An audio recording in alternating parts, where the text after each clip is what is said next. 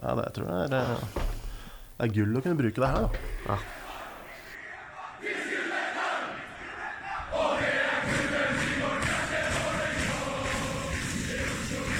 Du hører på Stang ut-podden, en lydfanzine om Vålerenga fotball.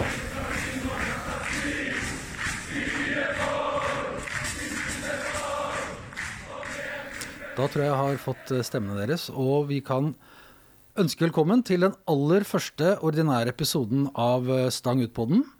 Jeg heter Jon Hernes, og jeg sitter her sammen med to karer som hvis vi skal snakke tribunekultur i Vålerenga, så må vel det være det beste vi kan få. Vil dere presentere dere sjøl? Christian Pleim heter jeg, også kjent som Sjanten. Shanten. Birk Slipsæter er supportkoordinator i Vålerenga. Velkommen. Takk for det. Eh, kan vi bare høre først med, med Birk. Hva er en supporterkoordinator egentlig? Er du en supporter, eller er du, jobber du i Vålerenga fotball? Uh, det er et veldig godt spørsmål. Det er veldig mange som stiller det spørsmålet. Uh, og det handler en del om å være et bindeledd mellom supporterne og klubben. Legge til rette for at supporterne har det bra på kamp, at de får best mulig forhold for å uh, utføre supporteraktiviteter. Borteturer, hjemme. Eh, være bindeledd. Legge til rette for at kommunikasjonen flyter bra. Eh, ja. Vi går jo rundt med sånne jakker hvor det står SLO på ryggen. Ja. Um, det er mange som spør om hva det betyr. Uh, det er Supporter Liaison Officer. Uh, og er egentlig bare den engelske oversettelsen på supportkoordinator. Så vi er jo da ansatt tre stykker som jobber i Vålerenga. Uh, meg og Marius og Håvard, som da jobber uh, på alle kamper Vålerenga spiller. Hvorfor vil noen ha den jobben, istedenfor å bare gå på kamp og ha det gøy? Nei, den, når jeg tok den rollen, så måtte jeg gå noen runder med meg selv. Fordi jeg digger å være supporter. Og det er jo, jeg har jo bakgrunn fra ultrasmiljøet, og er jo, jeg er jo Vålerenga-supporter av hjertet. Og det å være da på jobb når du er på Vålerenga-kamp, det er noe helt annet. Men jeg tenker, i mitt hode så er det et bidrag til å legge til rette for den kulturen jeg elsker. Eh, som gjør at folk kan utøve positiv supportkultur. Så jeg treng, tenker at det er viktig at noen faktisk eh, gjør den rollen. Og du, Kristian, skal vi over til deg? Ja. Du har jo også en spesiell rolle på, på kampdag. ja eh, jeg har vel rollen som capo, eh, Ja. vil si Det er litt svært. Det er litt kult. Ja, det er litt tøft. Ja. Jeg må innrømme det. Men eh, det, er litt, eh, det er litt jobb òg. Ja. Det er jo det. ja, det var det jeg tenkte jeg ville høre om. da, vet du. Ja. Så nei, eh, det er oppgaven er jo da eh, Alle som har vært på blokka, har jo sett meg. Jeg står da rett bak mål på dette tårnet som vi har der, bygget her. Eh, så ja. Står vel egentlig med ryggen til kampen hele, eh, hele matchen, egentlig. Så får ikke sett så all verden med fotball, da, men eh, man kan jo gløtte litt bort på høyresida, så kan man eh, få med litt på, på storskjermen der. Men eh, ja. Jeg vet ikke hva jeg har mer å si om det, men eh, ja. Kapo eh, på ja, hjemme og borte. Eh, ellers veldig aktiv i, i ultrasmiljøet og Ikaros. Det var jo flere Nå hopper vi litt framover her, men det var jo veldig mange som spurte om det. Vi la jo ut et spørsmål på Twitter om noen hadde noe, lurte på noe når dere skulle komme i studio. Og det var mer enn én som lurte på akkurat det der. Hva er det, hva er det som får en fyr som egentlig er veldig opptatt av fotball, til å ville stå med ryggen til banen hele sesongen? Får du med deg Altså, ser du det når du ser sånn noen tusen foran deg, og du ser bare fjeset deres, skjønner du hva som skjer på banen? Ja, det, du ser jo når på en måte, folk eh, begynner å være litt, eh, synge litt innbitt, kan du si, og, og ha litt sånn tusenmetersyn og bare se litt på Du ser, får med at det skjer et eller annet. Ja. Og da kan man jo kaste et eh, blikk rundt skulderen, altså kanskje du får med deg et mål, eller eh, Du har det ene sekundet med stillhet rett før en scoring kommer. Alle bare er spente. Ja, det er, eh, det er eh, litt irriterende, for det, folk synger så jævla dårlig da. Så da eh, men den de trekker vel pusten for å juble, da, så det er jo greit. Men eh, ja, man får jo med seg en del, da. Men eh, jeg kan ikke komme med noe analyse av spillet, for å si det sånn, i etterkant. Jeg tror ingen av oss ser veldig mye kamp. Nei.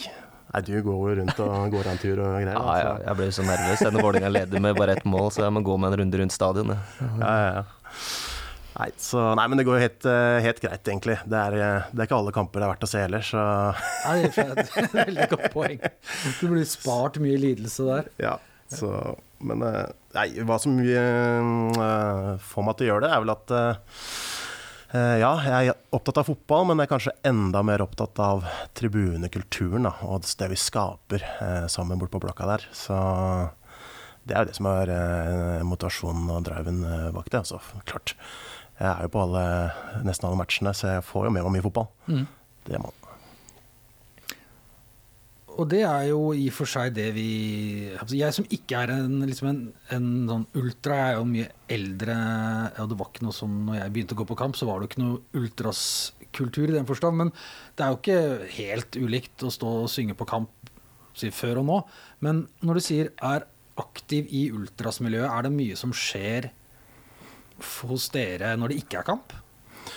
Ja, det er veldig mye. Nå er det veldig hektisk. Nå Går du litt nærmere, selv om Ja. du har kraftig sangstemme?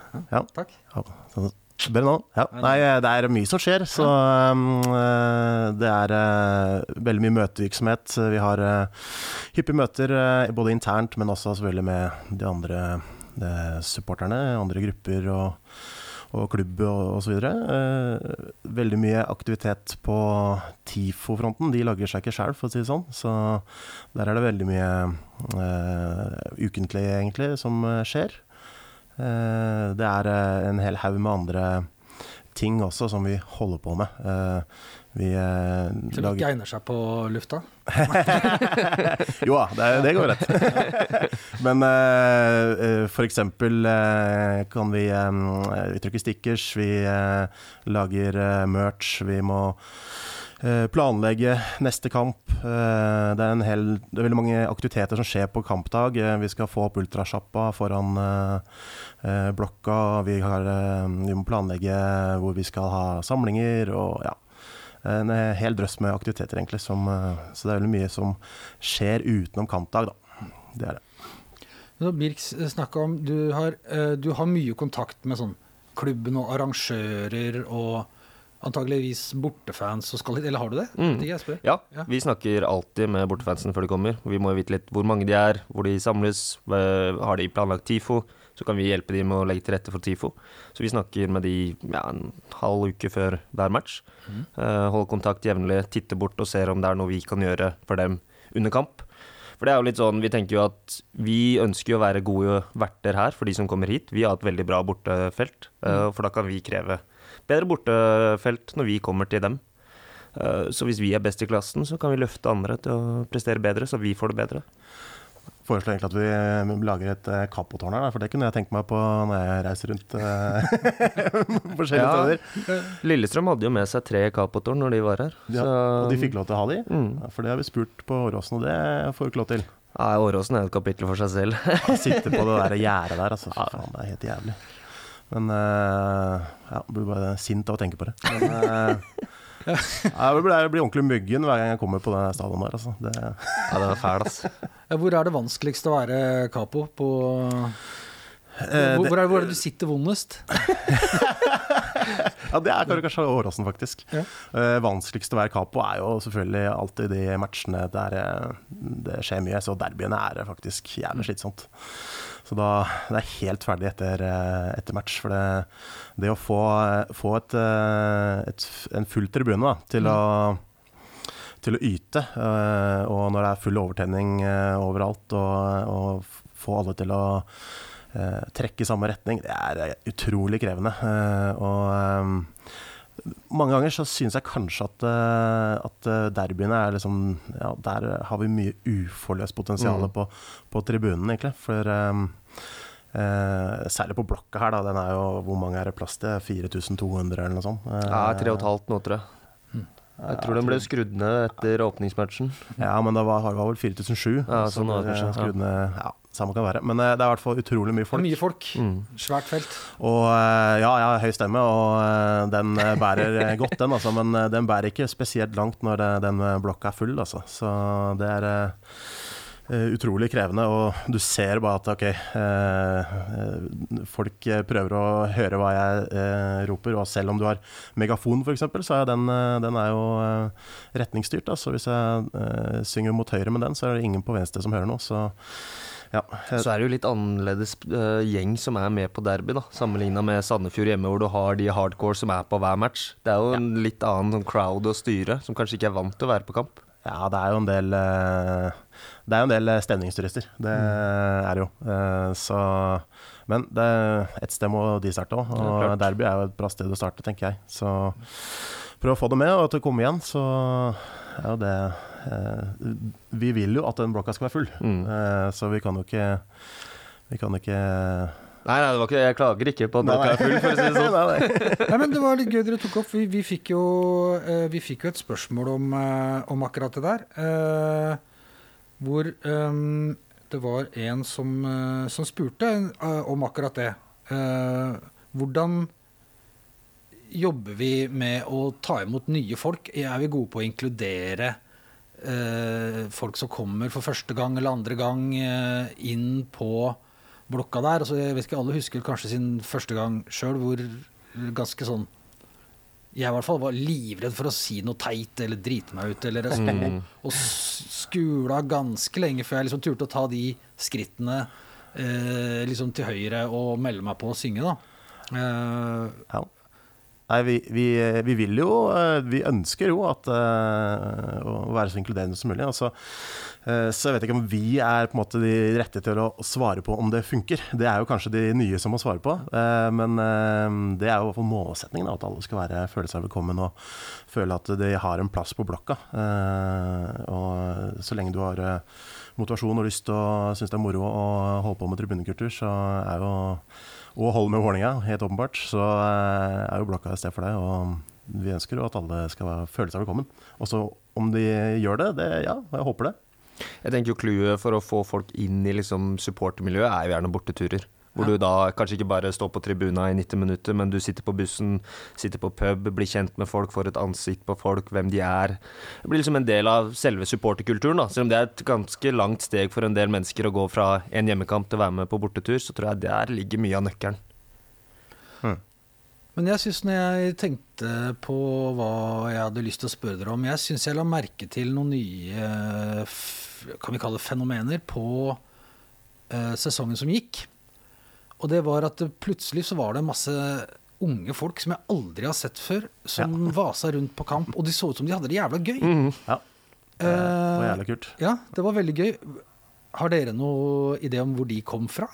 Er det, er det blitt en eh, trend å gå på kamp? Kommer de pga. Tifon? Er det fordi vi har profiler som har gått på skolen de har gått på, eller spilt i klubben de har spilt? Altså så Plutselig hadde vi liksom banestormere, massevis av kamper. 13-åringer som løp rundt. Eh, det. det, det var veldig mye sånn, nye og veldig, syns jeg, eh, gledelige eh, nykommere som jeg bare ikke aner hvor kom fra. Nei, det er veldig, veldig kult fenomen, og jeg tror det er litt sånn det er kanskje en sånn bevegelse rundt norsk fotball egentlig generelt. At du får sånn kompisgjenger som er kanskje lei av å se engelsk fotball, og de ser at ok, det er kult å dra på Valle og være her i 90 minutter og synge og støtte laget. Eh, og så drar de med seg flere, og så er det, baller det litt sånn på seg. Ja, det er faktisk eh, veldig mange av de her gjengene så eh, er eh, Jeg tror de kommer eh, I og med at de fleste av dem eh, står jo på blokka, så jeg eh, tror jeg at eh, mye av motivasjonskraften er eh, Eller kommer av eh, eh, av den tribunekulturen som vi skaper eh, på blokka. Det er tifoene, det er pyroen, det er alle sangene og all humoren. Eh, Jeg tror det er det som eh, Mm. jeg Håper i hvert fall. Som er det som eh, eh, får dem til å komme. Og det er, eh, er det noe jeg vet, så er det i hvert fall det som får dem til å bli. eh, hvis de blir. Så det må jo bare eh, prøve å hanke dem inn da, eh, og inkludere dem så mye som mulig. Og ja, ikke sant? få det med på bortetur. Det er jo der man uh, skaper, uh, skaper kulturen eh, vår, egentlig. Det er som fundamentet. Uh, og så få det med på, på andre ting etter hvert. Men hvordan ville du gjort det hvis du sier du ikke er en, en fyr som har liksom masse Eller en ung gutt eller jente som ikke har masse kompiser, og det liksom at det er noen sånn ultras-greier som gjør at det blir jo litt sånn Kanskje litt øh, tiltrekkende, men også litt skummelt å, å, å bli med på hvis du har lyst til å dra på en tur, da.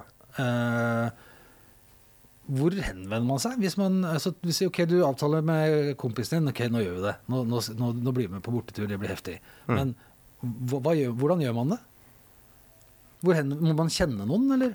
Det er Jeg er nok litt avhengig av hva slags miljø du har lyst til å gå inn i, om du skal bli som med i noe ultrasmiljø eller noe, men de fleste starter jo bare med en av klansbussene. Setter seg på vertshusbussen, Bohemsbussen, nye Østblokka-bussen f.eks. Der var det jo masse unge kompisgjenger som var med i fjor, og som ble kjent med folk i miljøet. Og da kjører jo den til et felles oppmøtested eller en pub.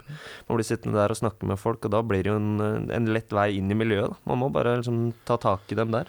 Ja, meld deg på bu- Østblokka-bussen. Den eh, håper jeg vi klarer å få satt opp på mange eh, turer i år. Og gjerne to, eh, tre. Mm. Så eh, det, er, det er bare å melde seg på. Eh, Nå har, så jeg at Bohembussen har fått en ny sånn betalingsløsning på nettside og greier. Sånn at du kan betale til- Veldig moderne. Ja, det, det, jeg, det, jeg likte det godt, jeg. Det er Ja, liksom det er nydelig. Eh, ja, Da kan du se hvor mange plasser det er igjen og, osv. så videre. Så jeg håper at det er kanskje flere busser som henger seg på der. Da. Så, Mm. Men et eh, godt sted å starte er, eh, i hvert fall for de unge, da, er jo kanskje Østblokka-bussen. For det er, der er det ikke noe etablert miljø. Der kan man eh, skape litt sitt eget. Eh, eh, også, men eh, det er eh, fritt fram å eh, melde seg på både Bohembussen og Vålerenga vertshus og alle de andre bussene som kjører. Så Og så er jo det er veldig lett å bli kjent med folk bare hvis du tar kontakt med dem. Vi prøver jo på tribunen å bli kjent med folk som er, liksom, henger rundt i området der man står, og eh, gå bort og snakke med folk og si hei, hvem er du, hva kan du bidra med, eller ikke hva kan du bidra med, men hvem er du? Og bli kjent med folk, rett og slett. Mm. Og sosiale medier. Der er jo masse folk som er aktive på Twitter og på Instagram, og send en melding til noen i et miljø hvis du har lyst til å bli med der, og spør. eh, si hvem du er, og si hei, rett og slett. Så blir man lett tatt imot. Så hvis du går og lurer på om du skal dra på din første tur i 2023, så mener dere at det er det Østblokka-bussen er, eh, det er et bra sted å starte? Ja, Og de finner du på sosiale medier, så du kan sette ned en melding først, så du slipper å møte opp og være litt sånn usikker på om eh, du gjør det riktig. Ja. Hvis du var like sjenert som jeg var da jeg var kid.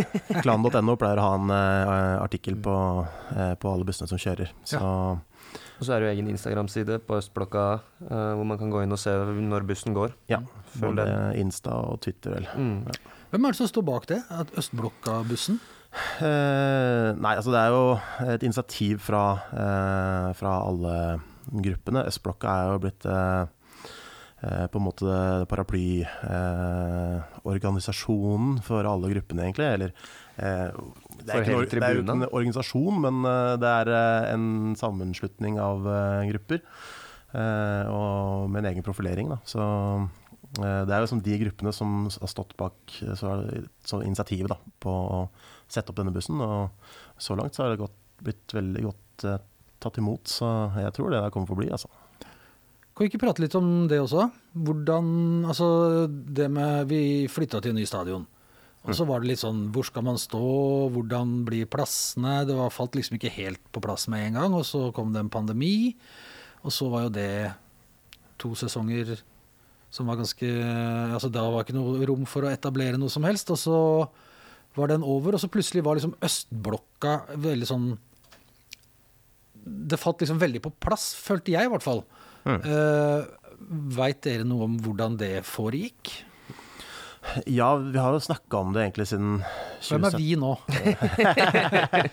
Eh, nei, eh, eh, Ikaros-klanen, eh, og kanskje spesielt Ikaros, eh, som har vært litt eh, eh, Ja, har gått litt i bresjen for å skape en, en, eh, en sånn felles identitet, da. Eh, og, Så dette er en bevisst strategi som dere har Mm. liksom ønska dere for Ja. å For å uh, at, eh, egentlig skape litt sånn tilhørighet og skape litt sånn eierskap for eh, For sant, står du på blokka, så du trenger ikke å være med i Ikaros eller i klanen eller det, alle, det, er, det, passer ikke for alle, men alle kan, alle kan være Østblokka. Alle kan gå med Østblokka-effekter og ha det som en del av identiteten. og gjennom det så håper vi at vi på en måte ansvarliggjør folk litt, da. Og at de, eh, at de eh, eh, er stolte av, eh, av eh, gå med Østblokka-effekter, og at de kanskje ønsker å gjøre en ekstra innsats eh, eh, for, eh, for Østblokka. så, Men eh, du sa Ikaros og klanen. Hvordan er det samarbeidet der nå? For klanen hadde jo Altså har jo på en eller annen måte en sentral rolle i supporterkulturen vår, men eh, sånn å starte sanger og alt det der, det er jo stort sett nå et, eh, en, jobb, en jobb for deg. Altså det, er, det, er, det har blitt mer en, en eh, Ikaros-oppgave, men er den der diskusjonen i bakkant der, er den god? Ja, jeg syns det er blitt eh, er veldig god, egentlig. Ja. Uh, vi har jo en eh, brokete historie, Ikaros og klanen, eh, opp igjennom uh, de siste tolv åra, men eh, det, en pod, det. det er en eh, helt Det, det er en podkast-serie, tror jeg. Ja, Men, da tror jeg vi eh, skal invitere noen fra, fra andre sida også. Men, Men, eh, eh, det har vært veldig gøy å høre den historien òg. Ja, ja, Jo, eh, altså, så lenge det er eh, så lenge det er eh, hva skal vi si, blitt greit å prate om. Så, Ja, ja, og Nå det er jo forholdet veldig godt. Ja. det er et veldig godt Så hadde det vært en veldig spennende historie å høre det, men det, det kan vi La oss spare det til en annen, eh, en annen Det tror jeg skal eh, gjøre. episode. Men eh, nei, jeg opplever at eh, det er veldig konstruktivt. Da. Og man, eh, eh, man eh, trekker i samme retning og eh, har en felles forståelse av hvor vi ønsker å, eh, hva vi ønsker å oppnå. eh, som er selvfølgelig verdensherredømme. Men eh, eh, ja. Eh, Det har blitt eh, utrolig bra, egentlig. Det, og konstruktivt. Så ja. Men det med å starte sanger er jo egentlig åpent for alle.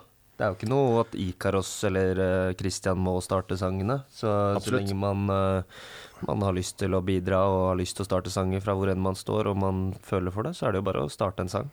Blir ikke du irritert da hvis noen begynner å liksom ødelegge opplegget ditt? Nei, eh, det, noen ganger så kan det være veldig fint at det kommer noen andre eh, sangere. Og det er mye tenking å stå der nede og prøve Ok, nå, nå synger vi denne sangen, hva er neste? Lese på den lille lappen. Ja, Ja, ja, for du har lapp, du har, Ja, lag- du har settliste, liksom. Ja, ja, ja, ikke settliste, det vil jeg ikke si, men, men eh, jeg har eh, en eh, liten jukselapp der jeg har eh, på en måte skrevet ned starten av alle sangene. Fordi noen ganger så når du står der, og så står det 3000 mennesker og ser på deg, og så Ja, nå må vi ha den sangen, men hvordan starter den igjen? Og det er ikke greit å det er greit å ha eh, For du kan bli satt ut da når du står der, så det er fint å ha noe å støtte seg på, da. Eh, Og hvis du trenger på en måte noe Eller når jeg trenger eh, Ok, nå må vi finne på noe annet eh, å synge, så er det greit å ha noe, et oppslagsverk der. Da. Eh, Så det er egentlig veldig greit. Og så er det veldig greit å ha hvis ikke du er på kamp òg, når det er andre Ja. som skal prøve seg.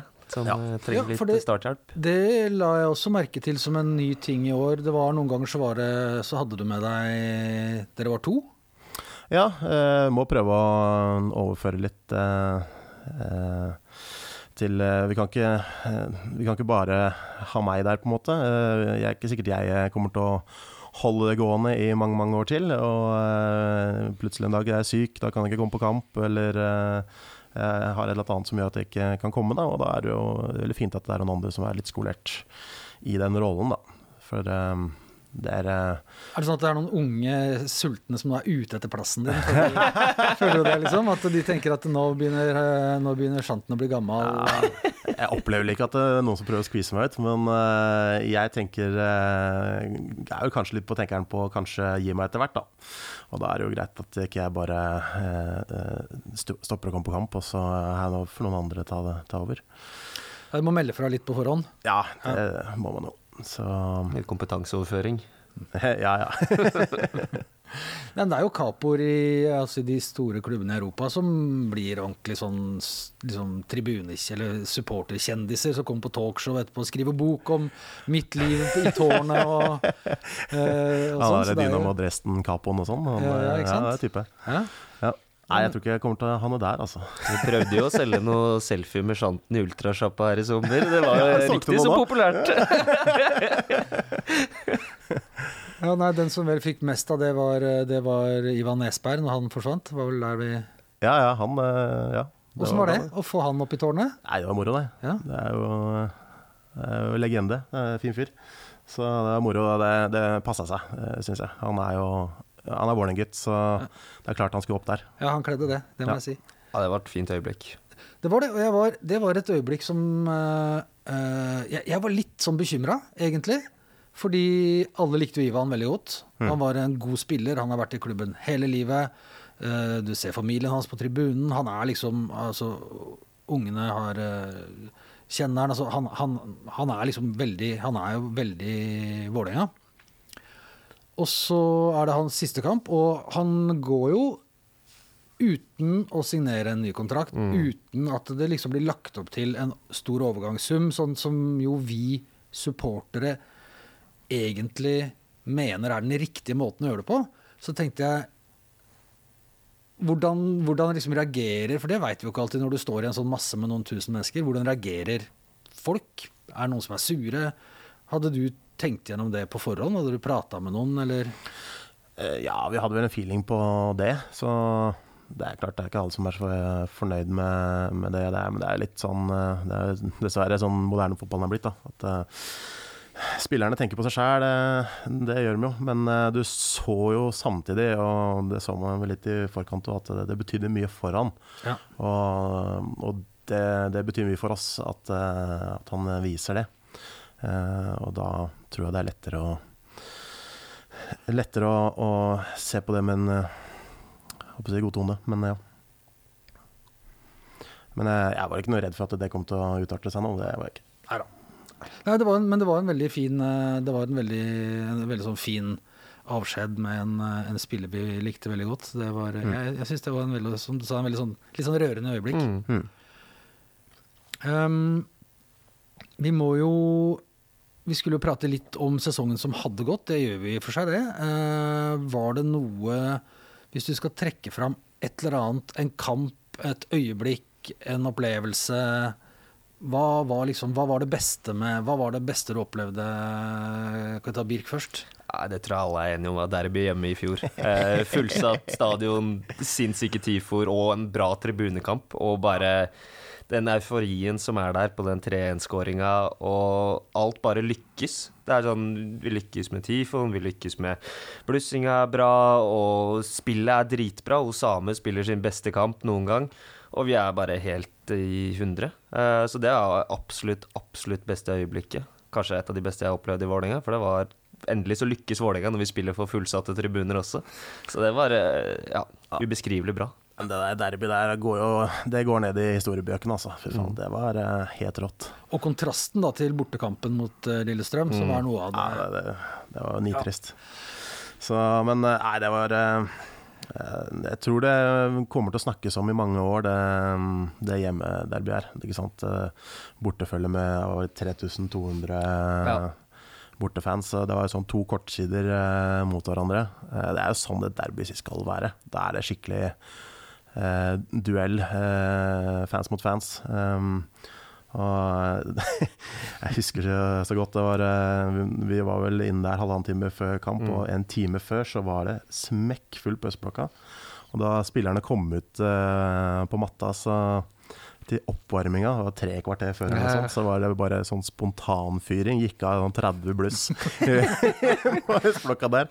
Og det var bare Nei, og eh, hele og, og fra da og helt til kampslutt og lenge etter, så så var det eh, kok, rett og slett. Så nei, det var eh, enormt, altså. Denne tifoen vi hadde, var jævlig kul, da. Det, Ja. eh, Vi prøvde oss jo på en eh, dobbel eh, tifo Ja, der, da. det- Del to trenger vi kanskje ikke snakke så høyt om, men eh, Den er vel blitt lagt merke til. Og ja. Ja, Men det er kult å gi det et forsøk på litt sånn detaljert mosaikk, da. Jeg mener det var en riktig eh, beslutning, fordi ikke sant, eh, derby da Du må ta noen eh, sjanser. Uh, go big or go home. Uh, eh, Fugla tok jo ingen sjanser, så de, de turte jo ikke å, å, å ta TIFO på hele bredden av tribunen som Nei, de hadde en gang. Så skuffende. det var eh, defensivt. Så jeg syns vi eh, hadde knockout på dem der, altså. Det, vi skal eh, Ja, vi hadde mye læring da av den eh, Mm. mosaikken. Ja, for, eh, for mange eh, detaljer, eh, for smått. Eh, ja, det, da har vi med det oss til, til neste gang. Så, eh, men eh, eh, var jo eh, veldig, veldig bra. Det var jo heldekkende noe på hele østblokka her. eh, 60 ganger 30 meter eller noe sånt. eh, det er 80, tror jeg. 80, 80 ja. ganger eh, 22. Ja, noe sånt. noe sånt. Ja. Så det, var, det ble jo noen kvadratmeter med, og noen kilometer med sytråd. Ja, det er litt gøy å tenke på at de liksom eh, røffeste tribunesliterne er ganske gode til å sy. Ja, jeg har sydd noen kilometer i mitt liv. Det, det, det må jeg si. Så, og male og ja, Det er veldig, det er veldig moro, da. Det er det. Man lærer litt sånn håndverk av å være i ultrasmiljøet. Ja. Kunst og håndverk eh, tror jeg kan eh, De kan få seg en eh, boost da, i Oslo-skolen Mm. framover, tror jeg. Hvis vi klarer å fortsette sånn nå. Det er mange, mange unge som som begynner å få øynene opp for det, der. Så det er kult. Noe annet som var gøy? Noen, noen andre kamper du husker? Altså, den, var, eh, den var på en måte lett å plukke opp, Ja. da. Åpenbart. Mm. Eh, ja, eh, Kamma hjemme 16. mai, åpenbart. Det, det var jo litt tilsvarende eh, De kom jo med 1900 fans eller noe sånt, Ja. er ikke det, Bik? Stemmer. Eh, så eh, Og vi hadde Det var vel årets TIFO, vil jeg eh, påstå. Det, dette opphenget som vi fikk eh, Var det første gang vi brukte det opphenget? Nei, det var, Nei, det det var eh, Haugesund hjemme. Haugesund eh, serieåpninga. Mm. Eller hjemmepremieren. Ja, Ja. som var Molde borte med første hjemmekamp. Stemmer. Så, så det var vel andre gang vi tok i bruk Mm. opphenget. Eh, På en ganske avansert TIFO. Veldig avansert eh, TIFO, apropos mye detaljer og Mm. så videre. Så det, det var jo eh, dette byvåpenet med løver rundt, og, som vi hadde klippa ut da, eh, og hengt opp i det nettet. Eh, og da eh, mosaikk på Det var vel også på langsida, det var det ikke det? det var, jeg tror det både var på langsida og, og på blokka. Så det var eh, Det veldig bra. var f- norske flagg langs i hvert fall den ene langsida, var det ikke det? Eh, nei, det var Altså, bare blå, blå, hvit, rød stripe. Ja. Vålerenga-fargene, Jeg tror ikke det var uh, Ah, Vålerenga-flagget, det er ikke helt ulikt. Jeg tenkte i og med 17. mai Nei, jeg tror ikke det var lands... Nei, nasjonalflaggtema. Nei, det var ikke det. helt. Og så hadde vi et svært uh, banner foran uh, eh, 'Enig og tro til eh, Oslo faller'. det? Mm, ja. mm. Så det var jo en liten referanse der til 16. mai nå. Eller 17. mai. Så ja, det var en av de Det var en av de kulere, syns jeg. Veldig kult at det kommer så mye bortefans òg. Jeg syns det blir et eget nivå ja, når du får noen ordentlig å synge mot. At det er 2000 på bortefeltet her, det hever jo oss, og vi må jo steppe opp. Så jeg syns bare det er kult. Ja. Jeg synes generelt at det, det kom veldig mange bortefans eh, på matchene våre her på Ja, alle Det er jo mange som bor i Oslo, for å si det sånn. Lett Så å komme var seg mange, til. mange klubber som var med veldig mye fans, egentlig. Mm. Så Klubben har jo ambisjonen om å selge ut fire kamper i år. Mm. ja. 16. mai mot HamKam er HamKam en av dem. Mm. ja. Det bør gå, det. Bør gå det? Ja. Ja. Jeg vet ikke om det var utsolgt i fjor. Da. Det var vel ja, 14 500 eller noe, kanskje? ja, det var nesten, Var var nesten det utsolgt, ikke? Jeg husker ikke helt Ja, det, var ikke, det var ikke helt utsolgt, men det var, altså det var fullt. Men du kunne kommet på dagen og kjøpe billett. Det var Mhm. ikke Lillestrøm fullt. Ja. Mm. Det kommer jo helt an på HamKam hvor mange folk de kommer med. Mm. Om det, vi klarer å selge ut eller ei. Så ja, men det bør jo gå. Eh, Ellers så Derby skal komme ut og selge ut, garantert. Eh, Så er det intensjonen å selge ut også mot eh, Brann Mm. ja, og. Rosenborg. Ja. Begge de kommer jo med mye bortefans, så jeg håper jo at vi klarer å levere herfra, da. Mm. Så at vi får mye folk med på matchen. Mm. Ja, nå skal ikke vi prate Jeg har ikke tenkt å ta på meg og, og mene for mye om det sportslige innholdet, men det er vel Det er vel litt avhengig av hvordan Vi ser jo det at vi er en av de klubbene som er mest avhengig av at det går greit sportslig for å få folk på kamp. Mm. Um, så det står og faller litt på det òg. Ja, vi kan ikke unngå å snakke om det når vi snakker om tilskuertall. Det, er, Nei, det henger veldig tett sammen i Vålerenga. Ja, det gjør det. Så får vi bare bygge en enda sterkere kultur på blokka, så Mm. kanskje det kommer litt eh, flere uten at det skal klaffe sportslig òg. Målet er jo at eh, vi er uh, hovedtrekkplaster og attraksjonen, så Mm. får fotballen komme i andre rekke. Så får vi se, da. Jo, men det er en god ambisjon, det. Ja, Ja. Eh, vi selger mer mer eh, sesongkort i år enn vi har gjort tidligere òg, gjør vi ikke det? Mm, stemmer Ja. det. Går- Det har gått opp ganske mye. Mm. Jeg husker ikke tallene, men Østblokka pluss og sånn har vært en veldig suksess. Ja. Virker som eh, mange catcher på den uh, tanken der.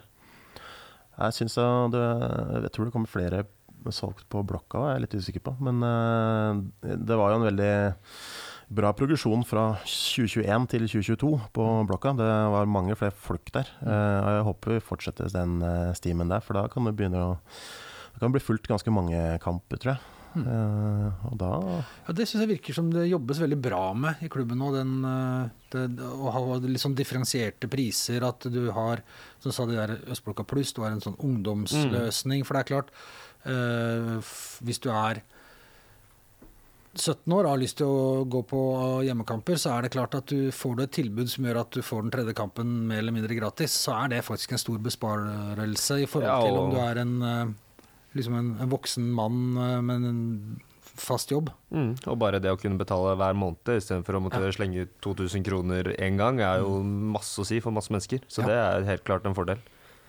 Så jeg tror det er, eh, har vært med på å gjøre ting enklere for folk, og drar med flere folk på match. Hva, når du du snakka litt om uh, at det er gøy når det kommer mye bortesupportere òg. var det noe Hva var uh, Hva var den største overraskelsen der eh, av bortesupport? Eh, Ja, Godt spørsmål.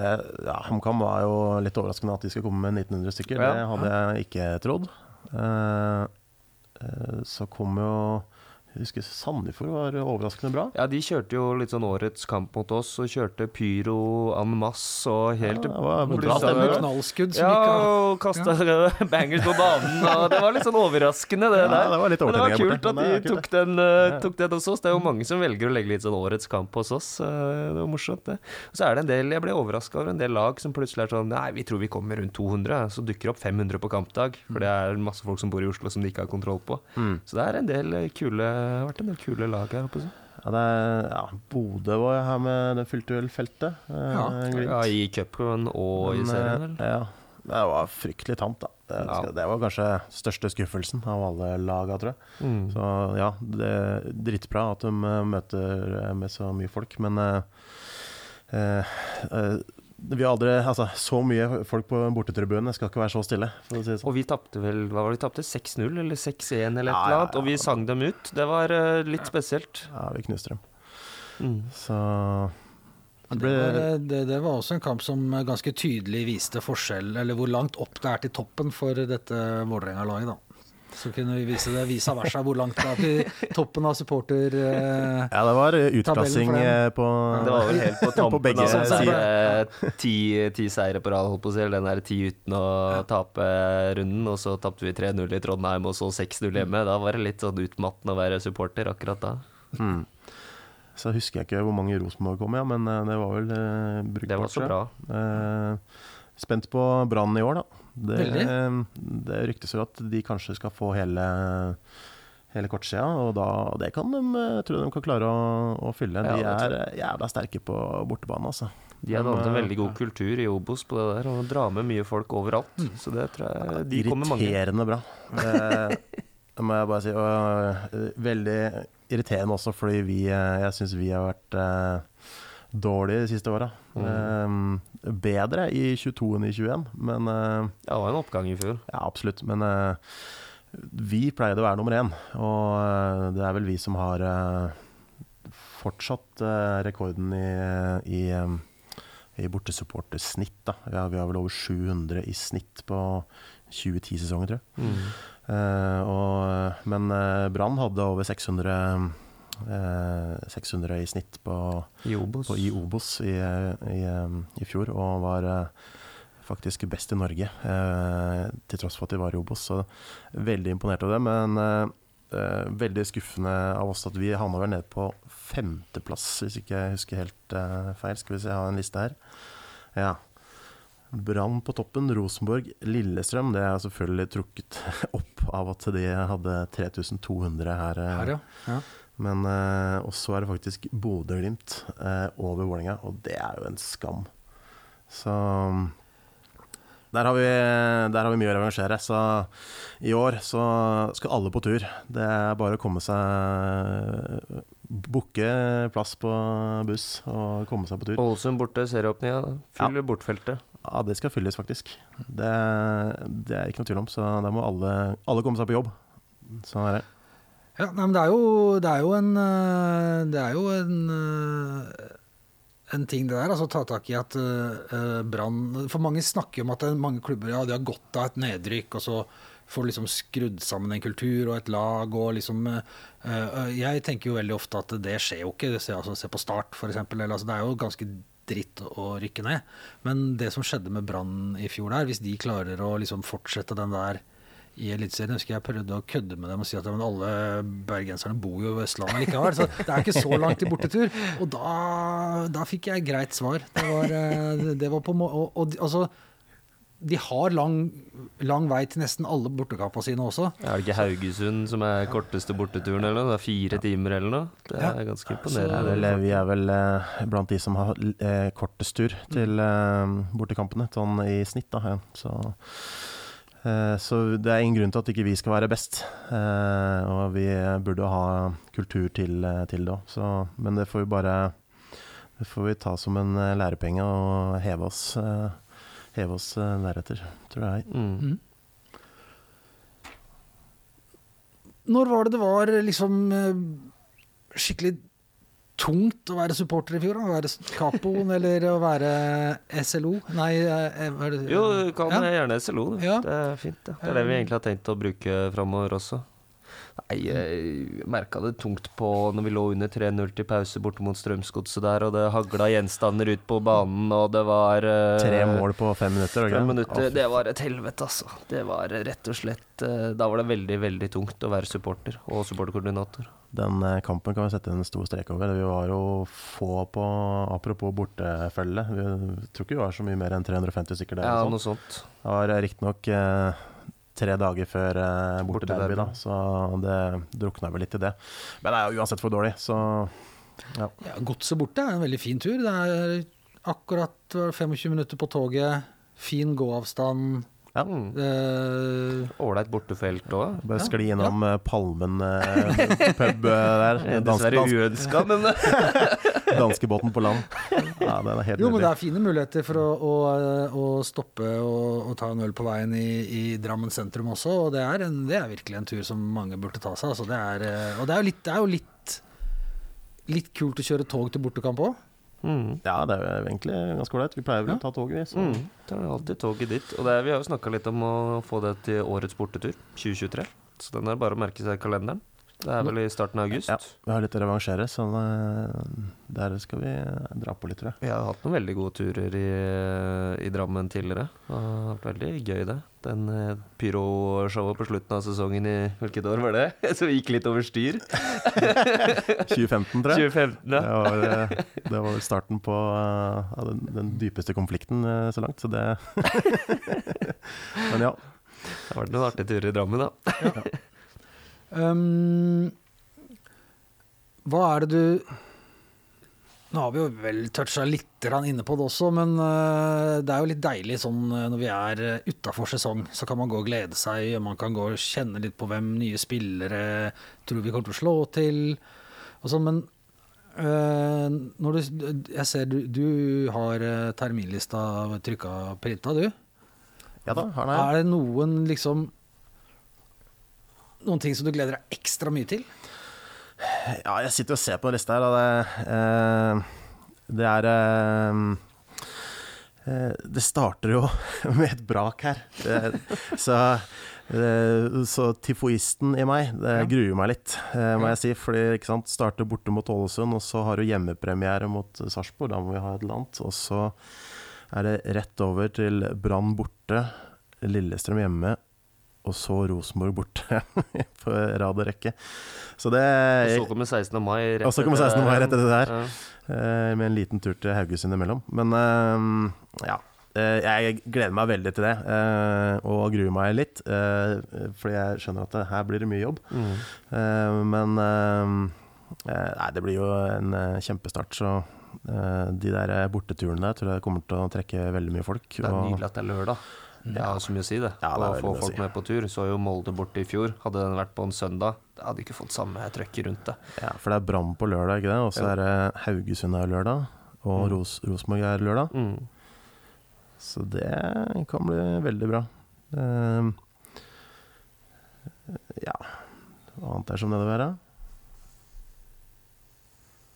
Nei, vi har vel litt av det motsatte igjen på høsten, mener jeg. Da er det Vålerenga-Brann, Lillestrøm-Vålerenga, Vålerenga-Rosenborg, tre på rad der. Mm. Så vi får den samme smørja på høsten også. Men jeg, jeg vil kanskje trekke fram at eh, i og med at eh, vi har derby allerede eh, 1. mai, da, hjemmederby. Så det er litt kult at det kommer så tidlig, syns jeg. For ja, ja, vi hadde kanskje det er jo en kamp som vi selger ut uansett, og, og det er alltid in mer interesse på starten av sesongen. Men eh, jeg tenker jo kanskje at eh, hvis vi får en opptur der, og vi kanskje tar tre poeng og, og uh, får til noe, et ordentlig derby, så vil vi kanskje trekke med oss det en ganske god, lang tid utover, egentlig. Så, sånn at vi kanskje kan få ganske fullt da på de neste matchene òg. Mm. Så ja, det tror jeg er veldig ideelt, egentlig. Men vi har jo også noen andre derbyer som kommer på sommeren, som ikke står i denne kalenderen, men uh, Lyn, Vålerenga, Vålerenga-Lyn. Ja. Eller Vålerenga 2, må vi si. Vi har ikke A-lags uh, som spiller mot dem. Så det blir også spennende. Å, og Bislett og her. Jeg gleder meg til. Deilig å slå Lyn med andrelaget, altså. Det, det, er, det, er, det, er, så fornedrende for dem at ja, det ja, det, det, må vi jo bare vinne. Det vi får ta oss regne litt på de her dagene siden Lyn har slått oss igjen. Det begynner vel å bli noen tusen dager, det. ja, derbyspøkelset lever.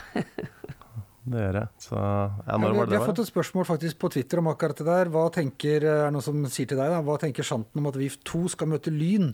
Gir folket F, eller blir det et show på tribunen mot lillebror? Jeg, jeg tror eh, det er vel opplyst og at det kommer mye folk. Så eh, vi skal lage show, absolutt. Så har vi fått, når du snakker om eh, terminlista eh, Nå har vi jo snakka om A-laget herrer hele dagen. Vi har også fått inn et spørsmål fra Agnes Viljegrein, som lurer på eh, hvordan motivasjonen er for å eh, lage show på damelagkampene. Er det noen av dere som går på de? Uh, ja, jeg var på tre-fire stykker kanskje i, i fjor. Så uh, det er jo Hun sikter til å, å, eh, på en måte lage en, en, en kultur for uh, tribunekultur og uh, sånn rundt disse matchene. Og det, uh, det er det er jo samme spørsmålet som vi får på hockeyen, egentlig. Ja, ja, når, kommer, når kommer Ikaros på mm. hockeyen? Når kommer Ikaros på kvinnelaget? nå kommer vi på andrelaget? Og nå kommer vi på innebandy, for å si det sånn. Eh, så eh, det er mange som eh, ønsker at, å ha en tribunekultur rundt kampene sine, og det fortjener alle lagene også. Men utfordringen er jo at ja, vi bruker utrolig mye tid på herrelaget, og det er ingen som har, som har kapasitet til å eh, bruke like mye tid på de andre lagene. Og vi er litt sånn Vi har vel hatt en diskusjon internt at eh, skal vi møte opp på én match og så eh, bare forsvinne igjen? Det er jo det er ikke alle som vil. Altså, skal vi være med, Det føles ikke ekte. Det føles ikke ekte.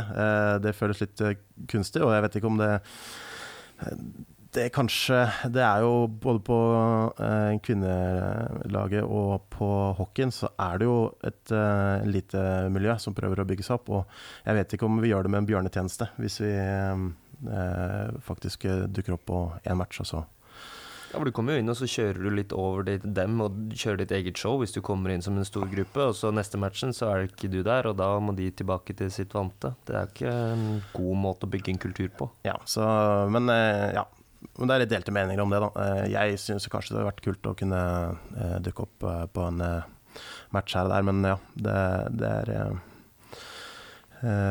Vi var vel en liten gjeng på, på Jeg tror det var mot Lyn, ja, faktisk, på kvinnerkampen nå i fjor. Mm. Det var litt pyro og noen protestbannere mot dette sluttspillet. Uh, vi hadde vel uh, noen tekstbannere der det sto Ja, nå husker jeg ikke hva det sto der. Men uh, ja, da var det litt stemning. Det, jo, det, er jo en liten gjeng der fra før av om å synge, så det var egentlig ganske brukbart. Fryktelig dårlig av Lyn. Da. De hadde vel noen som satt her, da, så de må jo opp, og, opp i ringa, de òg, da. Mm. For de er i toppserien jo fremdeles, Lyn, er det ikke det? De ja, røyk ikke ned? Nei. Absolutt. Nei. Eh, en annen eh, følger som har sendt inn spørsmål, som heter Asbjørn, han spør om planlegger klanen slash Ikaros noen stund stunt Stunt, hører du. Eh, noen stunt før hjempremieren. Noe à la marsjen som man ser noen steder i utlandet, bl.a. Hammarby i Stockholm. Det er vel ganske mange som har det før sesongstart og under sesongen. Eh, vi husker det var marsj fra kjerka opp til Valle før åpningen av stadion. Ja. Eh, vi har ikke lagt de planene ennå. Eh, det er et veldig godt innspill. Det hadde vært egentlig veldig kult å få til en tradisjon, uh, f.eks. med en supportermarsj eh, på Mm. første hjemmekamp. Eh, det har med at eh, Han trakk jo fram Hammarby, de har jo kjempesuksess med det. Eh, så med 20 000 i supportermarsj eh, hvert år. Mhm. Så eh, det var kult å få til. Det er jo et, eh, vi kan jo ta det som et innspill. Men eh, ja, vi har, det er mange planer som vi ikke har lagt ennå, så vi får se. Vi kan jo ta det med oss. Mm. Så har vi eh, også fått et spørsmål fra en annen podkast, faktisk, som har vært eh, sjenerøs og gitt litt eh, oppmerksomhet til, eh, til Stang ut, som heter Den 69. mann. Som er en annen podkast om norsk fotball. Jeg var ute og var litt kritisk mot dem etter første episode, kan være derfor de er tilbake. Men de spør eh, Går dere inn i 23-sesongen med optimisme. Er dette siste sjansen til Fagermo? Utafor vårt kompetanse. Ja, fotball ser ikke så mye fotball, altså. Så det er den der, eh, vi har egentlig satt en sånn regel etter den der eh, fæle trenden vi hadde i våres. Så sa jeg til de andre SLO-ene sa jeg at vi snakker ikke om fotball. Vi snakker tribunekultur. Jeg orker ikke sitte i bilen på vei hjem etter å ha tapt 3-0 og snakke om eh, hvorfor vi er da dårlige, for da får jeg så vondt inni meg. Så nei, jeg vet ikke. Nei, eh, basert på det vi Jeg var jo her og så på eh, match her i går mot Brann, og det Altså, Hvis det er representativt, så tror jeg ikke vi skal, vi tror vi skal slutte å snakke om sjuendeplasser, for da er det om å gjøre å holde seg oppe i Eliteserien, tror jeg. Men eh, ja, det er klart Jeg vet ikke. Vi har jo bytta trener så mange ganger, og jeg syns jo ikke det jeg synes jo ikke det, det, det, ser jo ganske likt ut. Eh, den klubben her spiser jo trenere til, til frokost. Så. Men jeg har regna på det, og har en kompis som har regna på det. Og siden Martin Andresen, så er vi på sånn altså 6,9 eller 7,2 eller noe sånt. Mm. Sånn plassering. Det er, eh, det, det er utrolig hvor liksom, lite det hjelper å bytte ut uh, treneren. Men uh, om vi er optimister eller ikke, det kan være optimist på vegne av uh, det dere kan noe om, da. På, er du optimist på vegne av tribunesesongen? Ja, ja, ja, ja. Veldig. Ja. Fortsett den gode trenden. Det, er, eh, det blir bra i år. Ja, jeg tror vi er på, på vei opp. Så det tror jeg kan bli Det skal bli vanskelig å slå oss eh, her på, på hjemmebane i år, i hvert fall. Det, eller les umulig. På hjemmetribunen? Ja. banen? Ja, ja. Den mener ikke noe om. Så har vi fått et spørsmål til fra en eh, som heter Styrmann. Han er en veldig aktiv eh, fotball, eh, fotballkommentator på sosiale medier. Stabæk-fan, så vidt jeg veit. Eh, hvor mange eks-Vålerengen eh, Hvorfor tror folk at vi blir sure når de sier Vålerengen? Det er helt uforståelig. I hvert fall bergensere som skal drive og dra fram det der helt. Jeg har aldri tenkt en tanke rundt det der. Men han lurer på hvor mange eks-Vålerengen-spillere kommer til å score mot Vålerengen i år. Vi har vel i hvert fall én vi kan nominere ganske kjapt, har vi ikke det? På 16. mai. Udal, ja. Ja, han putter vel. Og så hadde vi vel et par i går allerede som Ja. var eks-Vålerenga som putta. Så Halve Bård Finne laget var vel Bård eh, Finne og han eh, Sivert Heltene Nilsen. Skåret på straff i går. Og, ja. Ja, det, er, det er klart eh, det er, når vi, vi, har vel, vi bytter vel eh, en elver i året, så det er klart det er mye eks-Vålerenga-spillere som er rundt omkring i de andre klubbene. Så det, det, det kommer nok til å bli mange i år òg, dessverre. Nå lager Vålerenga mye talenter som da går til andre klubber er og skårer mot oss en eller annen gang. Mm. Men ja, nei, jeg gråter ikke over det. Skal vi se. Skal vi Nå begynner jeg å nærme meg eh, at jeg syns jeg har fått eh, godt svar på veldig mye av det jeg lurte på. Er det noe dere tenker at vi burde ta opp? Noe dere har på, dere har på hjertet? Jeg tenkte jeg skulle spørre deg om, Ja. eh, om podden her. Hva tenker du om format, og hvor eh, ofte skal den ut? Og det er kult med en uh, Vålerenga-pod igjen, så det er litt eh, interessert å høre, egentlig. Eh, ja. eh, svaret på det er vel egentlig at eh, jeg gjør ting jeg syns er gøy. Og så får jeg lære meg det etter hvert. Jeg eh, gir jo ut eh, stang ut Fanzina. Mm. Um, og jeg hører masse på fotballpodkaster uh, hele tida, egentlig. Uh, og så syns jeg det var veldig rart at ikke altså, Vålerenga Vi vi har jo liksom en ekstremt levende levende sånn kultur rundt klubben. Hvorfor hadde ikke vi den podkasten jeg ville høre på? Eh, og da tenkte jeg egentlig bare at da får jeg lage den sjøl. Uh, akkurat sånn jeg har tenkt egentlig når jeg begynte å lage stickers og når jeg begynte å skrive fanzine, eller gi ut fanzine. Jeg gjør jo ikke det aleine, men jeg dytter på så jeg får med meg folk. Og jeg har egentlig ambisjonen er når serien starter, at jeg skal ha én sending i uka. Kult. Og så lager jeg noen uh, litt sånn spesialer nå før sesongen. For nå er det jo eh, Men det er masse folk, eh, en lang liste med folk jeg skal prate med. Ja, mange karakterer i klubben. her. Ja, og masse interessante, flinke folk som driver med veldig mye gøy, og som jeg, jeg, jeg gleder meg veldig. Jeg syns det er kjempemorsomt. Så fram mot uh, Fram mot sesongstart så blir det litt sånn prat sånn som vi har nå. Og så når sesongen starter, så blir det da kanskje Da vil jo innholdet gi seg litt etter hvem man spiller mot, og hva som skjer på tribunen rundt det og sånn. Men jeg kommer ikke til å i noe særlig grad sette meg ned og liksom analysere eh, kampbilde og formasjon Altså formasjon hos oss er ikke noe stor eh, Den er ikke så spennende kanskje likevel, men sånn eh, Jeg kommer ikke til å sitte og liksom se på expected goals og sånn. det gjør jeg ikke. Men det blir, eh, det blir supporterfokus. Mm, det gjør det. Men ja. Ambisjonen er å få til noe en gang i uka gjennom hele sesongen, og så litt sjeldnere utafor. Ja. Kult. Så må jeg si jeg syns det er veldig veldig gøy at uh, VPN-podden har fått så bra vind i spinnakkeren nå. Syns de har hatt noe veldig De har vært eh, aktive, har noen veldig bra sendinger. Mm. Og mye hyppigere. Så det må jeg bare be dem holde det oppe.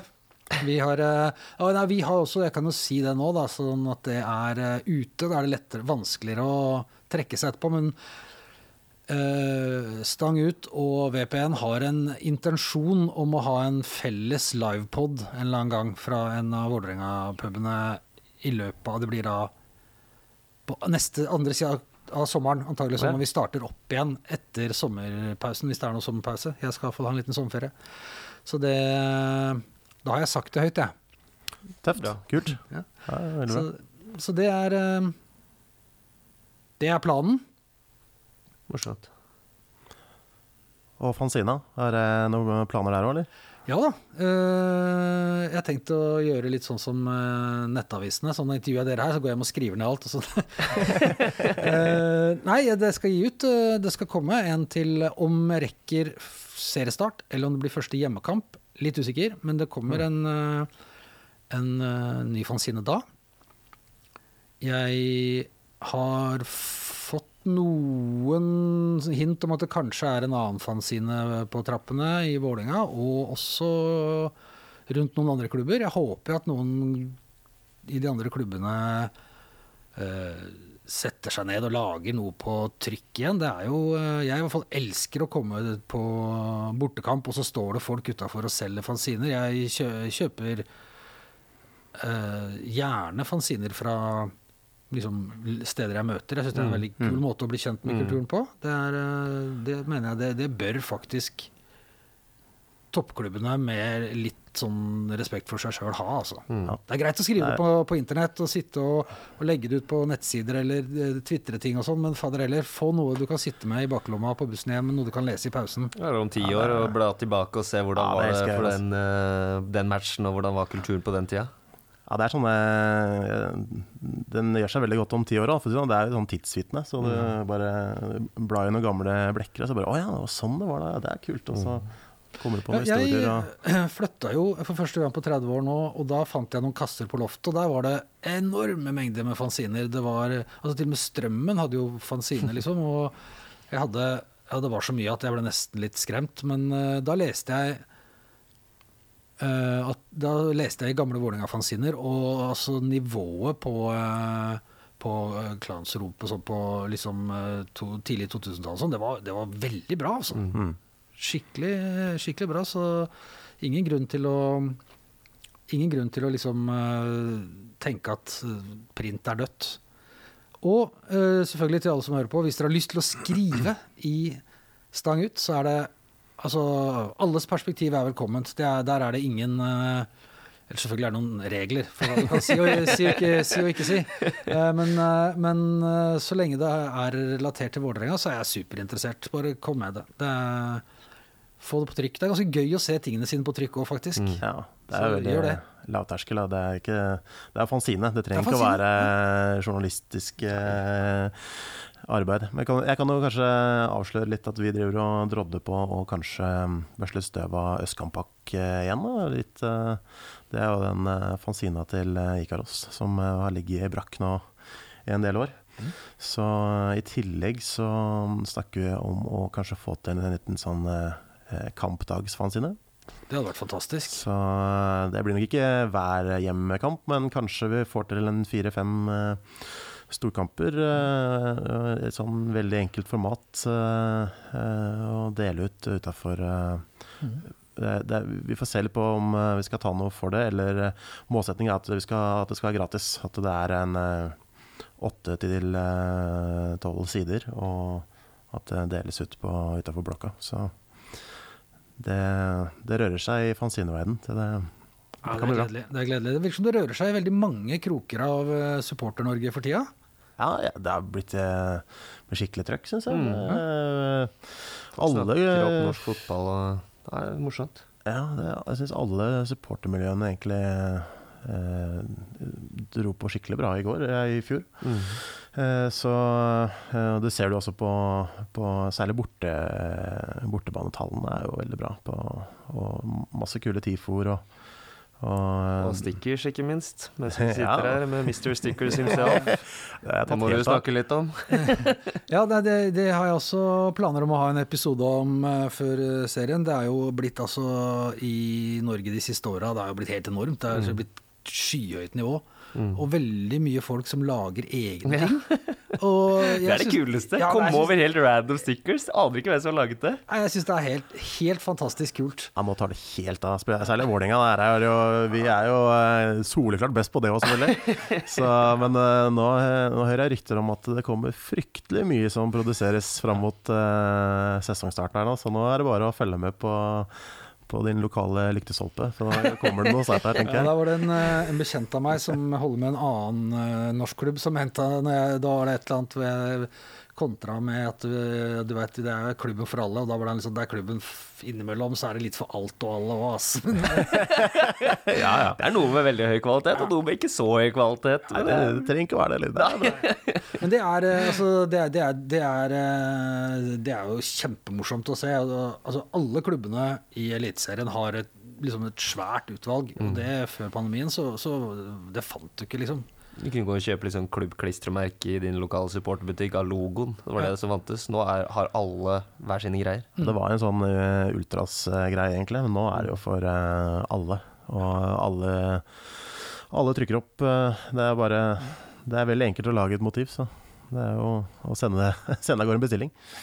Ja, og, og, ehm, det har han sagt, han eh, Jeg har jo da en eh, jeg har en fyr, kjenner en fyr, som jeg bruker til trykking, i, uh, som holder til i Ukraina. Det er jo litt sånn på sida av det vi prater om nå, men han har jo klart å holde det gående gjennom hele krigen, og han sier at uh, liksom den støtten det er i å få så mye business fra Norge, for alle, eller veldig mange har spurt meg hvor trykker du? Og så har jeg sendt dem til han, han mener at, uh, at den, liksom den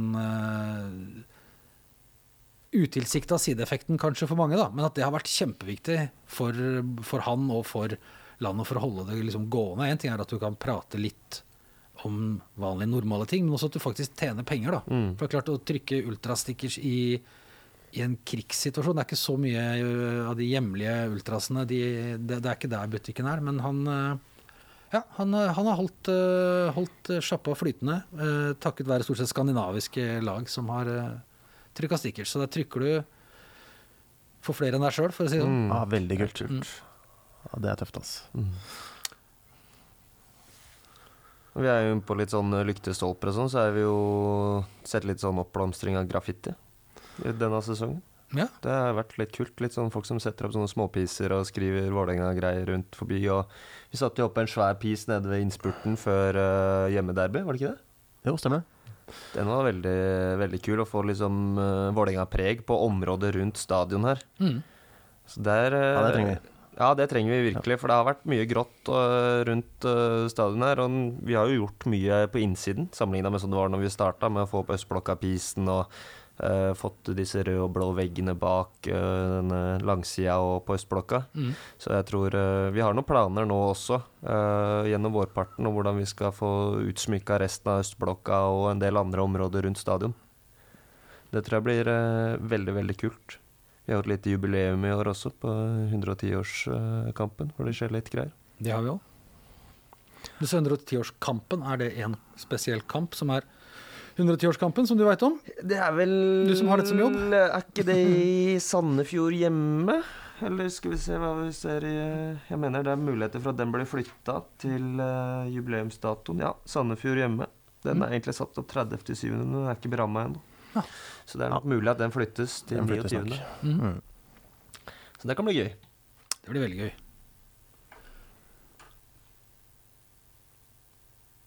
Ja, jeg har uh, runda lista mi, som sagt. Er det noe mer uh, Jeg ser dere har uh, Har du notater der, eller er det, føler at du har fått uh, Ja, letta ditt hjerte? For, har du vært eh, gjennom det meste her, tror jeg. Ja. Ja.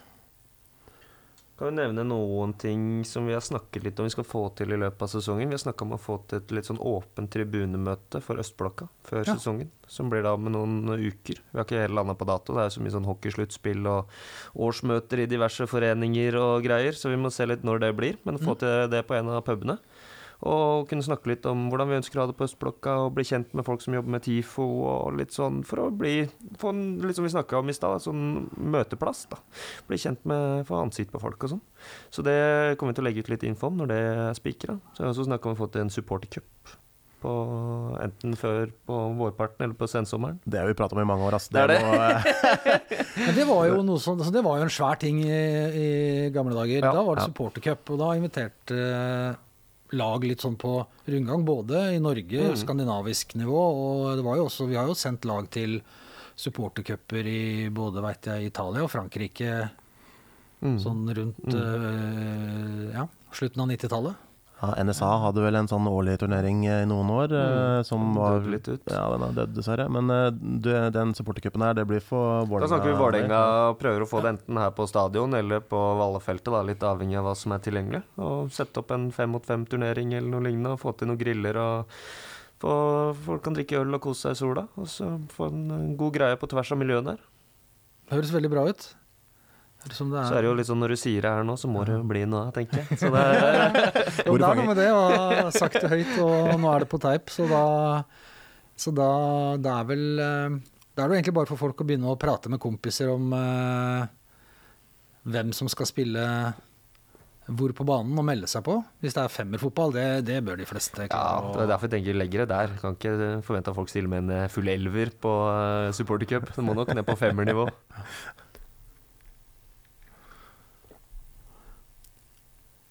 Men da lurer jeg på om eh, jeg skal eh, si tusen takk for praten. Høres ut som det skal skje veldig mye gøy rundt uh, Vålerenga. Det blir morsomt å være supporter i år. Og veldig glad for at dere tok dere tid ut av lørdagen deres til å sitte og prate fotball. Takk for invitasjonen. Det var veldig morsomt. Så eh, sier vi eh, takk for nå, og på gjenhør neste gang.